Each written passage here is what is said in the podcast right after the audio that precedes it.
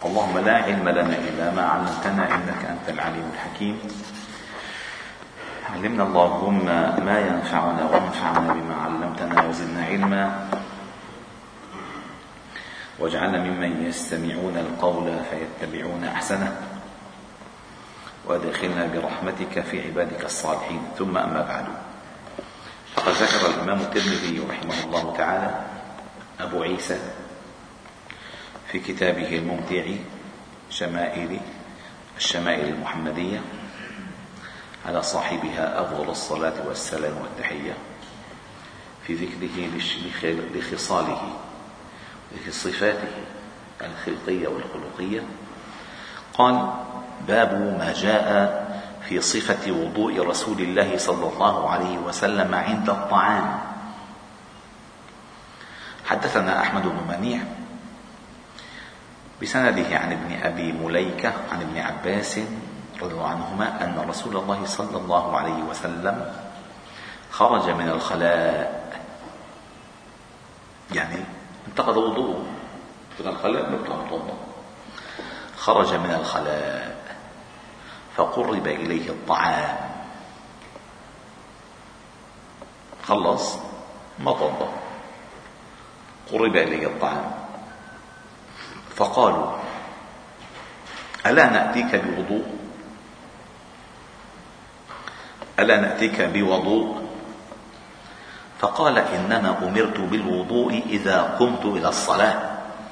يا أيها الذين آمنوا إذا قمتم إلى الصلاة فاغسلوا وجوهكم. فإنما أمرت بالوضوء يا أبا موسى إذا قمت إلى الصلاة.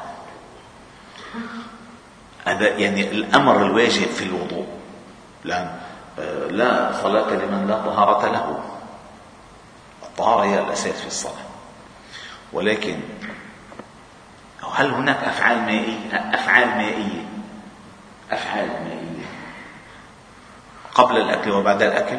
إن كان هناك فعل مائي في مس الماء فليس هو من باب وضوئه للصلاة.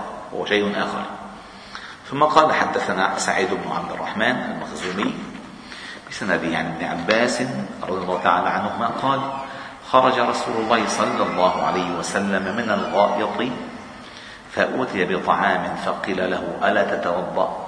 فقال أصلي فأتوضأ. يعني لما بدي تصلي بدي تتوضأ سلم عن الصلاة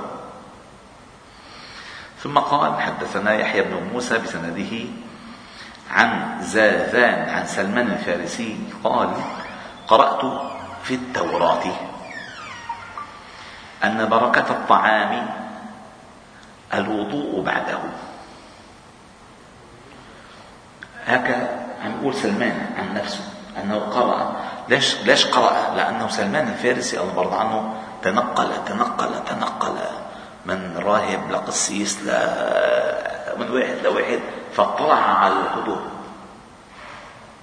فقال ذكرت أو قرأت في التوراة آه أن بركة الطعام الوضوء بعده فذكرت ذلك للنبي صلى الله عليه وسلم وأخبرته بما قرأت في التوراة فقال النبي صلى الله عليه وسلم بركة الطعام الوضوء قبله والوضوء بعده.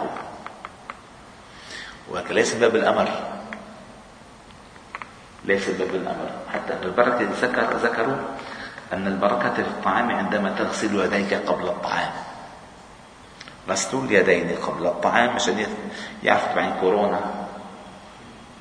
من هذه الإرشادات النبوية التي ما سبقها أو ما سبقنا إليها أحد ولن يلحقنا أحد. لا نحن فعل فعل هدينا في أمتنا من وحي ربنا وليس من اجتهاداتنا انتبهوا هذه الشغلة كثير مهمة. نحن فعل هدينا في أمتنا من وحي ربنا وليس من اجتهادنا فإنه ليس لنا من الأمر شيء. ما شيء. افعل افعل. لا تفعل هيك عد بالصلاة هلا وقت الصلاة مكروه. هلا النوم هيك خطأ. الجلسة هيدي مانعة عنا. ما عندنا شيء نحن ما عندنا شيء واللي بفوت على الدين ويقر أنه ما بيعرف شيء الله سبحانه وتعالى بيعلمه كل شيء. بس اللي بيفوت اجر هون واجر هونيك بدنا نجرب. كل ما بيتعلم بيجهل. في حدا عنده ممكن خلاف أو شك؟ أنه إبليس عنده علم وإذا زار جامعات العالم كلها بيعطوه كلهم شهادة فخرية. في جامعة ما بتعطي شهادة فخرية؟ لأنه مرق على أجيال وجبلا كثيرا. ولا تضل منكم جبلا كثيرا. شو جبل؟ أجيال وقرون طيب هاي الشهاده الفخرية الدكتوراه دي النقطه هد النقطه تبعته هل تغني عنه شيئا؟ هل ترفع قدره علما؟ هل ترفع كعبه فهما؟ هل هل ترقى به نجما؟ هل تضيع هل تضعه هديا هذا شيء. ما في شيء.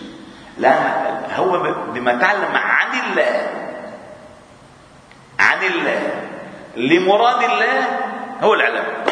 هو الذي يرقي يرفع الله الذين منكم والذين أوتوا العلم درجات هذه الرافعة الأساسية. هذه الرافعة الأساسية. فلذلك نحن ميزة هذه الأمة أنها ترتشف من معين الوحي في كل أفعالها. فكل هديها من معين الوحي. كل هديها. لو حسبك بدك إذا نملت إجرك شو بدك تعمل؟ من هذه هذه نبوية. هذه نبوية. سبحان الله. فشغله خطيرة لأن عندنا كل حركتنا مرصودة. كل حركة هذا بدليل أن الله تعالى اصطفى هذه الأمة. ثم أورثنا الكتاب الذين اصطفينا من عبادنا. والاصطفاء يقتضي الرعاية. لما أنا بصطفي واحد برعاة. له هيدي هيك هيدي ما هيك هيدي هيك هيدي ما هيك هذه الرعاية. إن ولي الله الذي نزل الكتاب وهو يتولى الصالحين يتولى يسددهم. سبحان الله. فقال باب ما جاء في قول النبي صلى الله عليه وسلم قبل الطعام وبعدما يفرغ منه. شو بيقول؟ خلصنا أكل. هون ذكر ما فعل. فعل النبي صلى الله عليه وسلم قبل الأكل وبعده.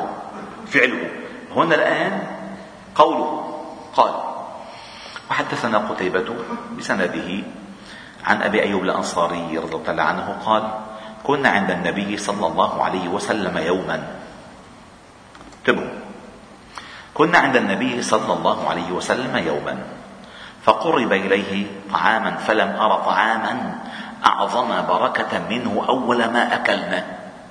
جيبوا له طعام مثلا جيبوا له مثلا صدر تصعيد مثلا مثلا.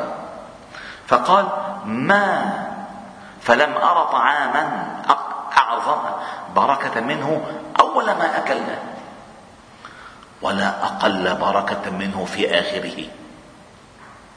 نحن وصلنا على الآخر ما في شيء. اختفى الأكل. شو إيه؟ كنا بالأول ما شاء الله بركة. آخر شيء صار في أكل. فقال انتبهوا. قال فما فلم أر طعاما أعظم منه بركة منه أول ما أكلنا ولا أقل بركة منه في آخره. فقلنا يا رسول الله كيف هذا شو صار؟ شو اللي تغير فقال إنا ذكرنا اسم الله حين أكلنا.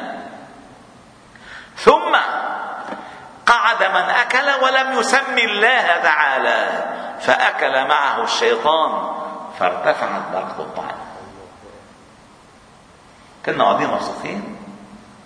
مثل يقولوا زيت على زيتون. مش كلمة مع بعض بسم الله بسم الله أكلنا بسم الله بسم الله بسم الله. أجوا فريق من الناس قعدوا فأكلوا ولم يذكروا اسم الله تعالى. لم تنزل البركة. فارتفعت البركة وارتفع الطعام.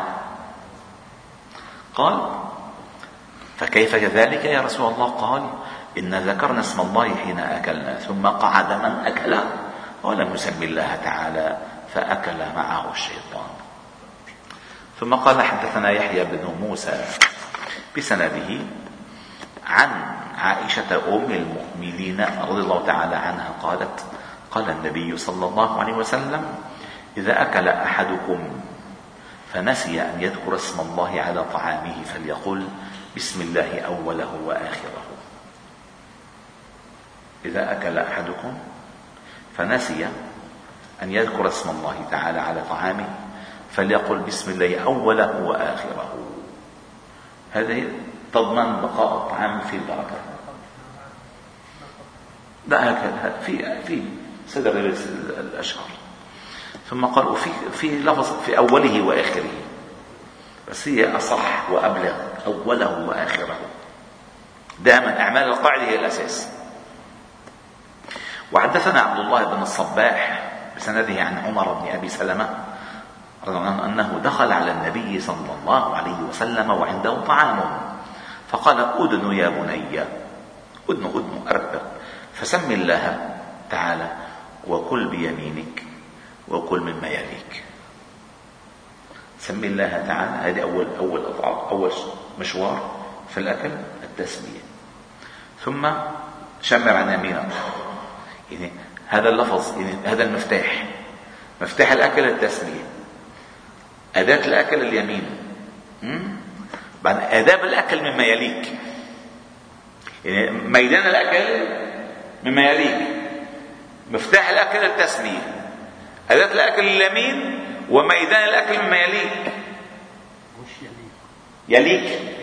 يليك. يعني قدامك اللي حطوا لك ياكلوا سكرنا لك كول مما يليك والله لا من هون لا من هون لا من هون مد ايده عليها كل ما يليك والتسمية لها أسرار وأسرار التسمية التسمية كل البركة في التسمية كل التسمية اقرأ باسم ربك الذي خلق إنه من سليمان وإنه بسم الله الرحمن الرحيم هي السر كل السر التسمية كل السر ثم قال حدثنا محمود بن غيلان حدثنا بسنده عن أبي سعيد الخدري قال كان النبي صلى الله عليه وسلم إذا فرغ من طعامه قال الحمد لله الذي أطعمنا وسقانا وجعلنا مسلمين. الحمد لله. الذي اطعمنا هو وسقانا هو وجعلنا مسلمين بفضله ونعمته ومنه وإفضاله علينا يا رب. ثم قال وحدثنا محمد بن بشار سنده عن أبي أمامة رضي الله عنه قال كان النبي صلى الله عليه وسلم إذا رفعت المائدة من بين يديه خلص الأكل رفعت المائدة شيلوا شيلوا الصفر يعني. قال الحمد لله حمدا كثيرا طيبا مباركا فيه غير مودع. شو غير مودع؟ يعني غير متروك. من ليس ليس الحمد في هذا الطعام آخر عهده بنا. فالحمد ملازم لنا. أو بمعنى آخر غير مودع هذه النعمة التي بسببها نحمد الله تعالى عليها. غير مودع ولا مستغنى عنه. أي نحن لا نستغني عن إفضال الله تعالى. علينا ولا نستغني عن حمد الله تعالى. منا له. قال كان يقول الحمد لله حمدا كثيرا طيبا مباركا فيه غير مودع ولا مستغنى عنه ربنا. أي هذا بالدعاء يا ربنا الحمد لك غير مودع ولا مستغنى عنه يا ربنا. فلك الحمد في الأول والآخر في الأولى والآخرة في الأرض وفي السماء في كل شيء. سبحان الله. حديث جميل الحديث آخر حديث قال وقال وحدثنا أبو بكر عن أم كلثوم عن عائشة أم قالت كان النبي صلى الله عليه وسلم يأكل الطعام في ستة من أصحابه. معه ستة؟ فجاء أعرابي يعني الصحن اللي عم يأكل النبي صلى الله عليه وسلم مع ستة بيأديهم ستة فجاء أعرابي فأكله. بلقمتين.